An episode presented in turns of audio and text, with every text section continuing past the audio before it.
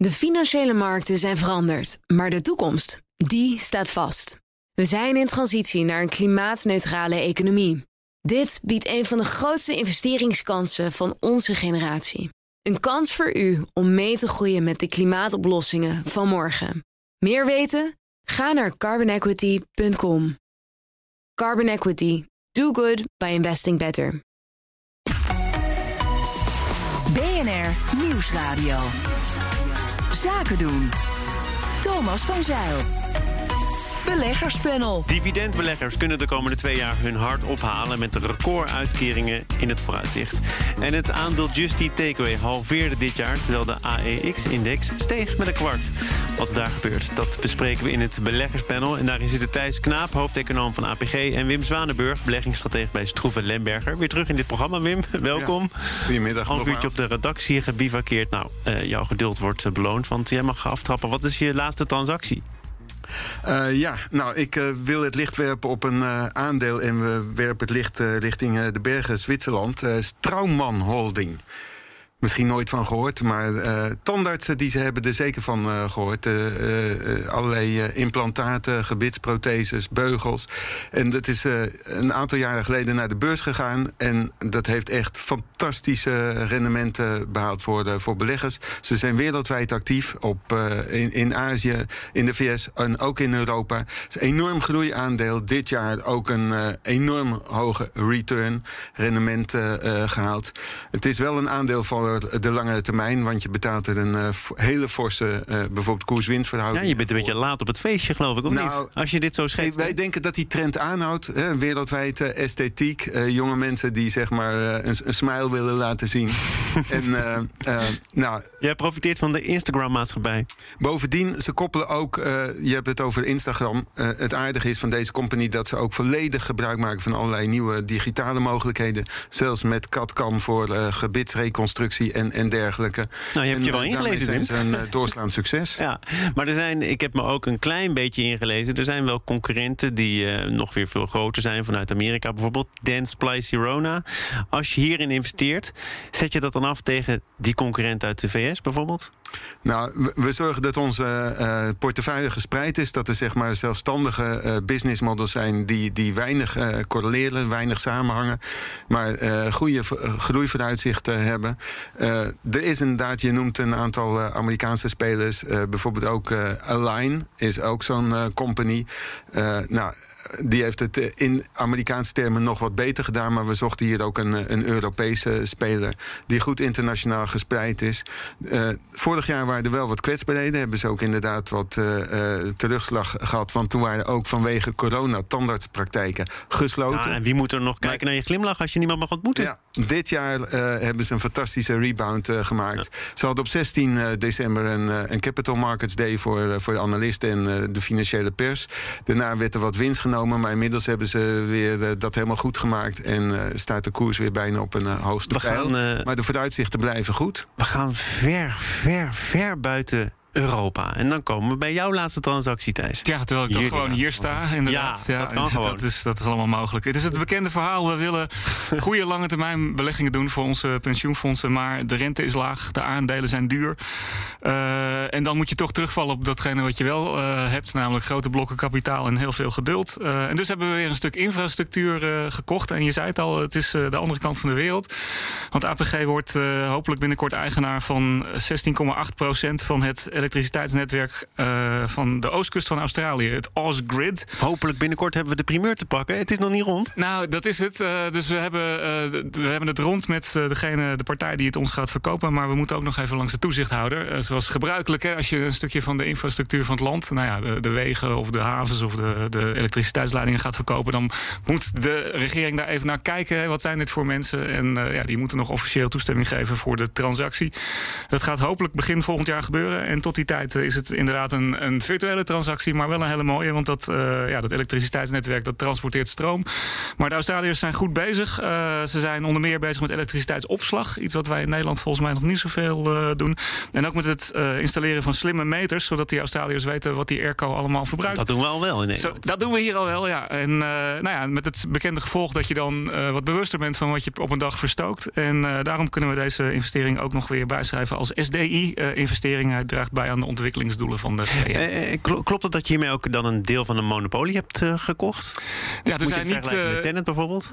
Dat is inderdaad waar. Dus er zijn geen twee elektriciteitsnetwerken. Dus als je een, een, onderdeel hebt, dan, ja, dan, dan ben je een onderdeel van de monopolie. Maar daar hoort natuurlijk ook bij dat ja, de markt niet helemaal vrij is. Dus, dus ja, je krijgt per, betaald per, per eenheid elektriciteit. Maar die prijs kan je niet ongebreideld opdrijven. Dan komt de regering ook in het geweer, denk ik. We gaan naar uh, goed nieuws voor dividendbeleggers. Er komen recordjaren aan. De komende twee jaar wordt er meer dividend uitgekeerd door Nederlandse beursfondsen dan ooit tevoren.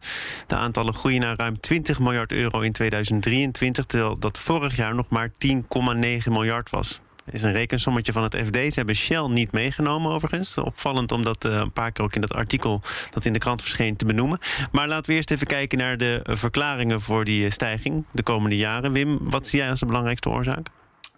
Uh, nou ja, veel bedrijven behalen goede winst en willen daar inderdaad dan ook een keer uh, een stuk van uh, uitdelen aan de aandeelhouders in, in de vorm van, van, van dividend. Ehm, vorig jaar waren er bovendien veel dividendkortingen en financiële instellingen werden geblokkeerd om dividenden uit te betalen. mochten dat niet van de toezichthouder? Verzekeraars, banken, ECB enzovoort. En, en veel bedrijven waren ook heel erg voorzichtig toen de coronacrisis uitbrak en staakten soms zelfs dividend verlaagd de dividend. Uh, je noemt ook, uh, ook, ook, ook, Shell, zelfs die uh, ging er toe over. En dat was, die had een onafgebroken track record van dividendbetalingen en dividendverhogingen. Het is ook voor sommige beleggers wel interessant. Er wordt wel eens gesproken over de zogenaamde dividend aristocrats. Dan wordt het zeg maar, op langere termijn als een financieel gezond teken gezien dat je onafgebroken zeg maar, ook je dividend jaarlijks weet te verhogen. Dan speelt niet zozeer de hoogte van de dividend, maar wel de, de groei van de dividend een, een rol. Een soort financiële zekerheid voor beleggers. Maar ja, als je kijkt in internationaal perspectief, in de VS uh, eh, is het dividendrendement over het algemeen lager dan in Europa. En wordt meer eigen aandelenkapitaal ingekocht. Ja, waarom zou je dat niet doen? Want je kunt eigenlijk kiezen als je, als je geld over hebt. Kijk ook even naar Thijs. Ja. Ik keer het uit in de vorm van dividend. Of ik zorg ervoor dat we de taart met wat minder mensen hoeven te verdelen. Koop eigen aandelen in.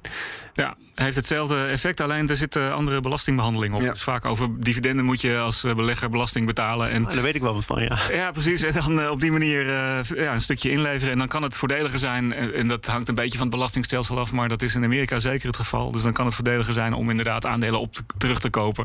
Zodat die, uh, ja, die uitkering plaatsvindt door de prijsstijging van het aandeel. In plaats dus dat zijn de overwegingen om voor het een dan wel het ander te kiezen. Ja, en, en als ik, als ik Wim kort samenvat, dan heeft die stijging de komende jaren ook wel iets te maken met het niveau waar we vandaan komen. Hè. Vorig jaar dus uitermate voorzichtig. Of zelfs met enorme rem erop vanwege de toezichthouder. Maar het is niet zomaar een compensatie. Er wordt echt gesproken over recordjaren in 2022, 2023. Dus is er dan toch nog wel weer iets meer of iets anders aan de hand? Ja, je ziet het heel veel nu dat er allerlei groeicijfers heel hoog zijn, omdat we van een heel laag niveau komen. Uh, dit is inderdaad wel iets meer, want we komen ook op een hoger niveau uit. Het is een recordbedrag uh, aan uh, dividend. En dat, dat komt ook een beetje omdat je te maken hebt met ja, wat je in een andere context misschien inhaalgroei zou noemen. Je hebt een jaar niet uitgekeerd, en dat geld staat nog op de balans.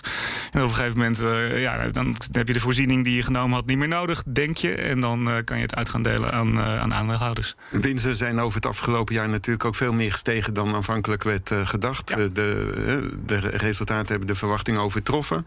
Dus be, be, bedrijven zijn gewoon wat voorzichtig geweest met die dividenduitkeringen en kunnen dat nu een beetje alsnog goed maken. Maar als je kijkt naar het totaalrendement op, op de beleggersmarkten, dan valt eigenlijk het dividendrendement in het niet eigenlijk ten opzichte van de koerswinst die gemiddeld op en per index op, ja. op de aandelenmarkt is uh, behaald. Ik zat zelf te denken, hè, is het nou goed nieuws dat de bedrij- bedrijven meer in dividend gaan, uit, eh, eh, gaan uitkeren? Dat is een mooie gedachteoefening. Want Iedereen die de waarde van een aandeel berekent, die begint met, eh, met de dividenden die hij of zij verwacht. En dan tel je dat allemaal op en dan kom je op een, een soort van waarde. Dus da- daar doe je het allemaal voor. Maar tegelijkertijd, als er nou dividend uitgekeerd wordt, ja, dan is, betekent dat ook dat het bedrijf eigenlijk zelf geen betere toepassing van het geld ziet. En het maar weer teruggeeft aan de belegger van zoek het zelf maar uit. Hier Het is een veeg teken. Als je Precies. echt ambities hebt richting de toekomst, als je wil groeien, ja. Heb je investeringen? heb je investeringen. Ja. Exact. En als je dus dividend uitkeert, dan, dan zie je die misschien wel niet. Of eh, nou ja, er kunnen natuurlijk ook andere overwegingen zijn. Maar dus het is niet zonder ook- meer een goed teken. Je kan mij. ook op een andere manier. We hadden het er eerder deze middag over. Geld is ongeveer gratis. De rente is in ieder geval heel laag. Eh, mij valt eigenlijk op, eh, overal waar te voor staat... veel bedrijven zijn zelfs te conservatief gefinancierd. Hm. Dus je moet de juiste mix hebben van eh, eigen vermogen, aandelen, uitgiften, eh, vreemd vermogen, bankleningen, obligatieleningen enzovoort. En ja, misschien daar ook een beetje dividend over betalen of eigen aandelen eh, inkopen en investeren en vooral innoveren. Maar als die rente wat omhoog gaat, hè, er zijn toch voorzichtig wat tekenen aan te wijzen dat het die kant op gaat. Wat betekent dat dan in de verhouding groeiaandelen, dividendaandelen? Verandert dat denk je? Nou, dan moet je eigenlijk niet naar dividendrendement ten opzichte van de rente kijken, maar naar het zogenaamde earnings yield. Hè. Het, het omgekeerde van de koers-winstverhouding, dus winst gedeeld door de koers. En winsten groeien in principe. En als je een koers-winstverhouding van 20 hebt, even omgerekend, heb je een winst-koers. Verhouding van 5%. Nou, daar zit de rente voorlopig absoluut niet op. Bovendien kan die 5% de komende jaren behoorlijk groeien. En de vooruitzichten zijn Kan je daar dit goed helemaal voor. volgen? Ja, dit is een mooie eh, rekenoefening voor de mensen die eh, eh, dat al een tijdje niet meer gedaan hebben, denk ik, uit je hoofd. Maar het- wat, wat, wat je zegt klopt wel. Je hebt groeiaandelen en je hebt de dividenden, value-aandelen. En als de rente omhoog gaat, dan is dat doorgaans beter voor de value-aandelen dan voor de, voor de groeiaandelen. Dat komt omdat die groeiaandelen de, de winsten in de verre toekomst hebben liggen en die worden dan meer verdisconteerd. Nou, het begin van dit jaar zag je de rente sterk stijgen, met name in Amerika. En toen had je ook een periode waarin die, die value-aandelen, de bedrijven die veel dividend nu al uitkeren, het beter deden dan de groeiaandelen. En dat was bijzonder, want de afgelopen vijf jaar hebben die het absoluut waardeloos gedaan. Na juni was het ook weer gedaan met de prijs, Ja, maar eh, dat is Tweede dus- helft van het jaar was een inhaalslag voor de groeiaandelen. Ja. Maar goed, daar, daar- eh, om het punt te maken dat je inderdaad wel die invloed van de rente ziet. Dus toen de rente een beetje omhoog ging, deden de eh value-aandelen het beter. En nou ja, mocht jouw voorspelling waarheid worden, Thomas, dat volgend jaar de rente verder omhoog gaat. Ik hoop het van harte. Dan, Ja, dat eh, begrijp ik vanuit jouw positie. Precies. Dan, eh, dan gaan we inderdaad zien dat die value-aandelen het ook weer beter zullen doen. Nog heel even eh, ook eh, toegespitst op eh, APG. Mhm. Dividend beleggen, is dat nou op een bepaalde manier nog eh, aantrekkelijk? Omdat je toch op een bepaald moment eh, pensioen moet gaan uitkeren. En als je er wat dividend kunt bijschrijven, dan heb je dat geld zonder dat je transacties hoeft te doen. Ja, dat is, dat is op zich een eh, verstandige opmerking die je hier maakt. Dus het zou kunnen dat wij, eh, het zou precies timen dat, eh, ja, dat, dat de dividenduitkering direct doorgeboekt kan worden aan gepensioneerden. De praktijk is dat dat niet zo werkt, omdat ehm, eh, dit- dat, dat moet je vooral doen als je hele hoge transactiekosten hebt en je wilt liever niet handelen. en dan komt het, als het geld dan vanzelf binnenkomt, kan je dat zonder kosten doorboeken. De transactiekosten zijn niet zo hoog. En dus dit principe gaat in de praktijk daarom niet op. Leuk bedacht, maar het gaat niet. eh. We gaan, we gaan naar iets anders waar het eh, iets minder eh, goed ging de afgelopen periode, namelijk Just Eat Takeaway. BNR Nieuwsradio. Zaken doen. Thomas van Zeil. De gast is het beleggerspanel Thijs Knaap en Wim Zwanenburg. En Just Eat Takeaway, ik zei het al, daar ging het eh, minder goed mee het afgelopen jaar. Kijkende naar de koers, die halveerde dit jaar. Maar Jitse Groen, de topman, lijkt zich er niet veel van aan te trekken. Hij gaf een eh, interview eh, in het FD. Nog even, Wim, want we hebben dit gisteren kort besproken. Jij hebt de toppers en de floppers op een rijtje gezet. Herinner ik mij van, van Ja. gisteren. En bij de floppers eh, plaatste jij ook eh, Just Eat Takeaway. Misschien toch in het licht van die gehalveerde koers? Ja, die gehalveerde koers, ja, afgezet tegen de stijgers... die vooral in bijvoorbeeld de digitale sfeer zitten. Bijvoorbeeld de chipproducenten en, eh, en, en eh, tussen leveranciers ASML en eh ASMI. Ja, dan verbleek dat helemaal. We hadden het ook erover dat innovatieve companies... de nieuwe groeigiganten, dat die het over het algemeen goed kunnen doen. Maar ja, dat was inderdaad in 2020 het geval. Jetse Groen met Just Eat Takeaway, Takeaway thuisbezorgd... heeft afgelopen jaar ook een aantal forse overnames gedaan. Eerst Just En toen Grubhub.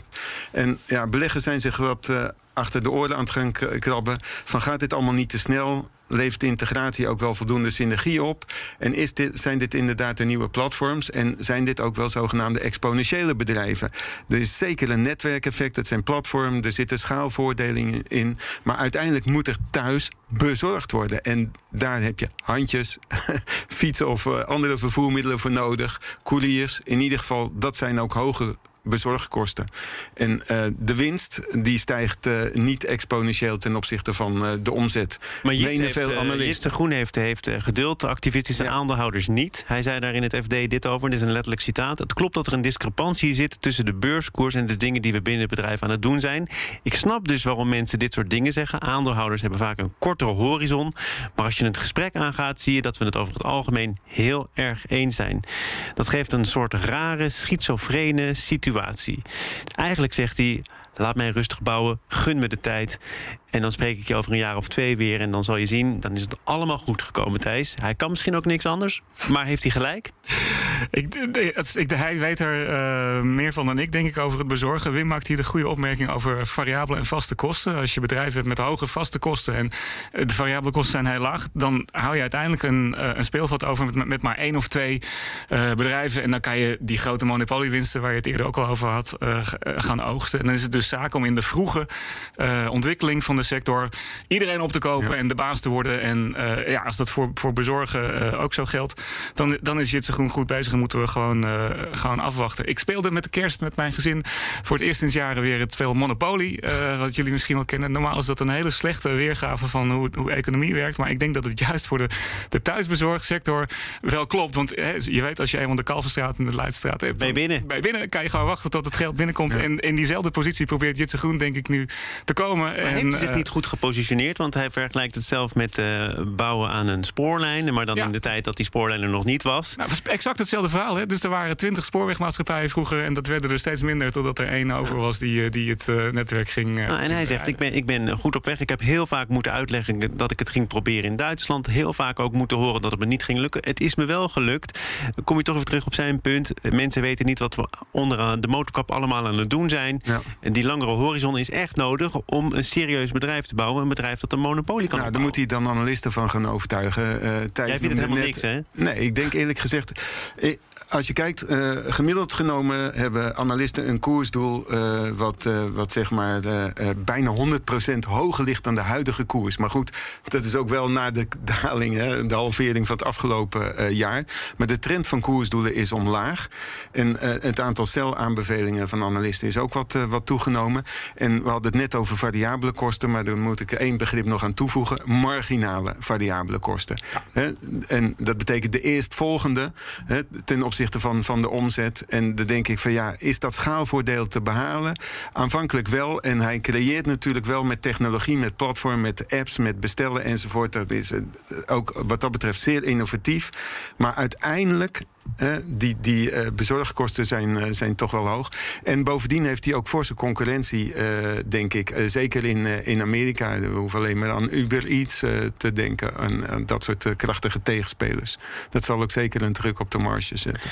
Van Amerika, de Amerikaanse concurrentie van Just Eat Takeaway naar China. Want ik sta hier met uh, twee min of meer toch uh, in ieder geval zelfbenoemde China-specialisten. En anders zou ik jullie wel zo willen noemen. De Chinese regelgever heeft aangekondigd de regels te gaan verscherpen voor Chinese bedrijven die zich in andere landen op de beurs laten noteren. Maar buitenlandse beursnoteringen worden waarschijnlijk, het is nog allemaal onder voorbouw, want er moeten nog mensen naar kijken, niet verboden voor Chinese bedrijven. Dat zegt de Chinese AFM, vrije vertaling, de Chinese Commissie voor Effectenhandel en uh-huh. Regelgeving. Thijs, er is hier maanden, zo niet bijna jaren over gesproken. Wat is er nu daadwerkelijk al vastgesteld aan nieuwe regelgeving? Nou, zoals dat gaat in China gaan we vooral af op de opmerkingen van uh, mensen die dan in de Chinese AFM zitten. En ja, dat is uh, allemaal nog hoogst onofficieel. Dus we weten nog niet precies hoe het af gaat lopen. Maar in wat er in het kort aan de hand is, is dat veel Chinese bedrijven zich voor kapitaal gewend hebben naar de westerse markten. Een beetje Europa, maar vooral ook uh, naar de VS. En dat mag niet. Dus Chinese bedrijven mogen zich niet verkopen aan aan, de, aan buitenlandse investeerders. En daar zijn dus allerlei constructies voor bedacht. Houd, de houdstermaatschappijen waar je die certificaten van aandelen verkopen, waar je dan wel het geld, maar niet de inspraak hebt. En nou, dat, dat, je kan je voorstellen dat is voer voor advocaten, juristen. En werd dat oogluikend toegestaan of niet? Super ingewikkeld, maar het, het werd zover toegestaan dat er honderden miljarden nu op die manier aan de Amerikaanse beurs genoteerd staan. Dus ja, daar, daar, kan je wel van spreken. Maar het gevaar is natuurlijk dat er dan op een gegeven moment iemand zegt van ja, wacht even, dit mag helemaal niet. En dat, dat iedereen, uh, ja, als de dood is, dat zijn duur gekochte aandelen helemaal niks meer waard zijn.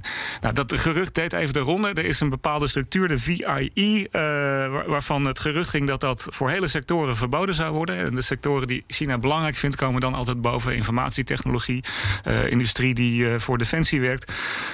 nou, dat, dat was een, een, paar weken ging dat gerucht de ronde. Toen kwam er een andere official en die ging ook iets zeggen. En toen bleek dat het, de soep niet zo heet werd opgegeten, maar dat ze het wel per bedrijf gaan bekijken. Dus het is nog niet helemaal de oude um, situatie. Maar het belangrijke is wel dat ze de bedrijven die al genoteerd zijn met rust laten. En dat is denk ik. Dus de Alibaba's van deze wereld Precies, hoeven zich geen zorgen te maken. Die staan op die en manier, niet de beleggers in Alibaba. Nee, en dat is natuurlijk heel verstandig van China. Want wat je, het laatste wat je wilt is de westerse belegger tegen de schenen schoppen. En op deze manier een hele grote poot uitdraaien. Want ze hebben die beleggers nog jarenlang nodig. Is de verstandige zet om niet alles eh, te verbieden. En misschien ook alleen maar te kijken naar de mogelijke nieuwe noteringen. En wat al is met rust te laten, min of meer? Nou ja, ze, ze hebben gezien. Uh, China wil ook de kip met de gouden eieren niet, uh, niet slachten, inderdaad. En uh, de onderliggende groei van de Alibaba's en de Tencent die is nog steeds ongekend. Maar de koersen die hebben fors onder druk gestaan door de ingreep van de Chinese autoriteiten. En wat erachter zit, is dat zeg maar, de Chinezen toch ook wel de greep op dat dataverkeer willen hebben. het politbureau die wil eigenlijk niet instaan dat de kapitalistische ondernemingen ook zulke influencers zijn als dat ze zelf willen zijn. Kijk maar naar de taxi-app Didi bijvoorbeeld, hè? Dat ik, natuurlijk de afgelopen nou ja, jaren meerdere keren een, besproken een, een, een, een, een, een verhaal van het af, afgelopen jaar. Uh, en, en Didi, er was van verwacht gisteren dat de koers wat zou stijgen, omdat de nieuwe regelgeving die nu wordt voorgesteld, die zeg maar in consultatie is gegeven, eigenlijk wel de ruimte nog biedt aan, aan Didi om een notering aan te houden in, in New York. Maar tegelijkertijd het hele document, dat moeten juristen allemaal doorvlooien. Er zaten wat issues in dat bijvoorbeeld uh, insiders, uh, dus ook eigenaren, managers in de company niet zomaar hun aandelen mogen uh, verkopen. En het feit is trouwens dat in de VS de regelgeving veel soepeler was dan in China. En dat was notabene ook de reden waarom Alibaba voor een listing, een notering in New York koos. Tegenwoordig hebben ze een zogeheten dual listing. Zijn ze ook in Hongkong uh, genoteerd. Maar kunnen we dit niet ook als het verleden beschouwen? Want volgens mij zijn ze in Amerika juist bezig om de regelgeving aan te scherpen voor Chinese bedrijven. Nou, dat, dat, om, omdat inderdaad ook uh, de Amerikaanse regering en, en, en, wetgever en ook uh, parlementsleden hebben gezegd van ja, er vloeit geld naar het buitenland en China is niet direct onze, on, onze vriend. Wel eigenlijk technologisch ook uh, notabene de vijand in het, eh, in, in, in het zadel. Bovendien, onze zeggenschap is heel beperkt. Hè, dus daar worden ook goede redenen voor, voor gezocht. Om zeg maar, die buitenlandse beleggingen van Amerikaanse investeerders wat aan banden te leggen. Ik denk dat het naar elkaar toegroeit. Ik kan me trouwens ook wel voorstellen dat ook die Chinezen vanuit een zogeheten compliance toezichtperspectief ook de regeltjes wel wat aantrekken. Los van die greep die ze willen hebben op dat data. Zie jij het ook naar elkaar toe groeien? Ja, de Amerikanen zijn inderdaad ook bezig om het lastiger te maken voor de Chinezen om in Amerika geld op te halen. Op, op meerdere manieren. Amerikaanse pensioenfondsen mogen niet meer in Chinese bedrijven beleggen. De Chinese bedrijven worden uh, het zaken doen onmogelijk gemaakt. Hè. De, telefoonfabrikant Huawei mag geen chips meer kopen. Maar ik denk uh, misschien het belangrijkste onbenoemde uh, issue is nog wel de, het toezicht op de cijfers. daar hebben de Amerikanen natuurlijk wel de nodige ervaring mee dat het soms niet goed gaat. En de, het toezicht op de Chinese jaarcijfers is voor de Amerikanen volgens mij nog niet helemaal op standaard. En daar wordt al heel lang over gesproken dat dat ja, ze zijn in Amerika gelist. Daar moet, eigenlijk moeten die aan de westerse standaarden voldoen. Chinese bedrijven willen dat niet. En dat kon ook nog wel eens een, een probleem worden. En dan zie je inderdaad een trend van ja, uh, geld ophalen in Amerika wordt steeds lastiger voor Chinese bedrijven. Uh, geld ophalen in China wordt steeds makkelijker. Dat wil de Chinese overheid ook. Dus de kans is groot dat ze, dat ze daar in te volg gaan proberen. En dat is ook helemaal niet zo gek, want de Chinezen hebben geld zat. Dus, Dank u zeer. Dit was het laatste beleggerspanel van dit jaar zonder het woord en de jaarsrally te noemen. Of nu toch wel. Maar misschien komt hij ook wel niet. Thijs Knaap, hoofdeconoom van APG... en Wim Zwanenburg, beleggingsstratege van Stroeven Lemberger. Fijn dat jullie er waren. Tot volgend jaar. Uh, over volgend jaar gesproken. Uh, zometeen begint onze rubriek op weg naar de gemeenteraadsverkiezingen. Maart volgend jaar. Blijf luisteren. De financiële markten zijn veranderd, maar de toekomst, die staat vast. We zijn in transitie naar een klimaatneutrale economie. Dit biedt een van de grootste investeringskansen van onze generatie. Een kans voor u om mee te groeien met de klimaatoplossingen van morgen. Meer weten? Ga naar carbonequity.com. Carbon Equity. Do good by investing better.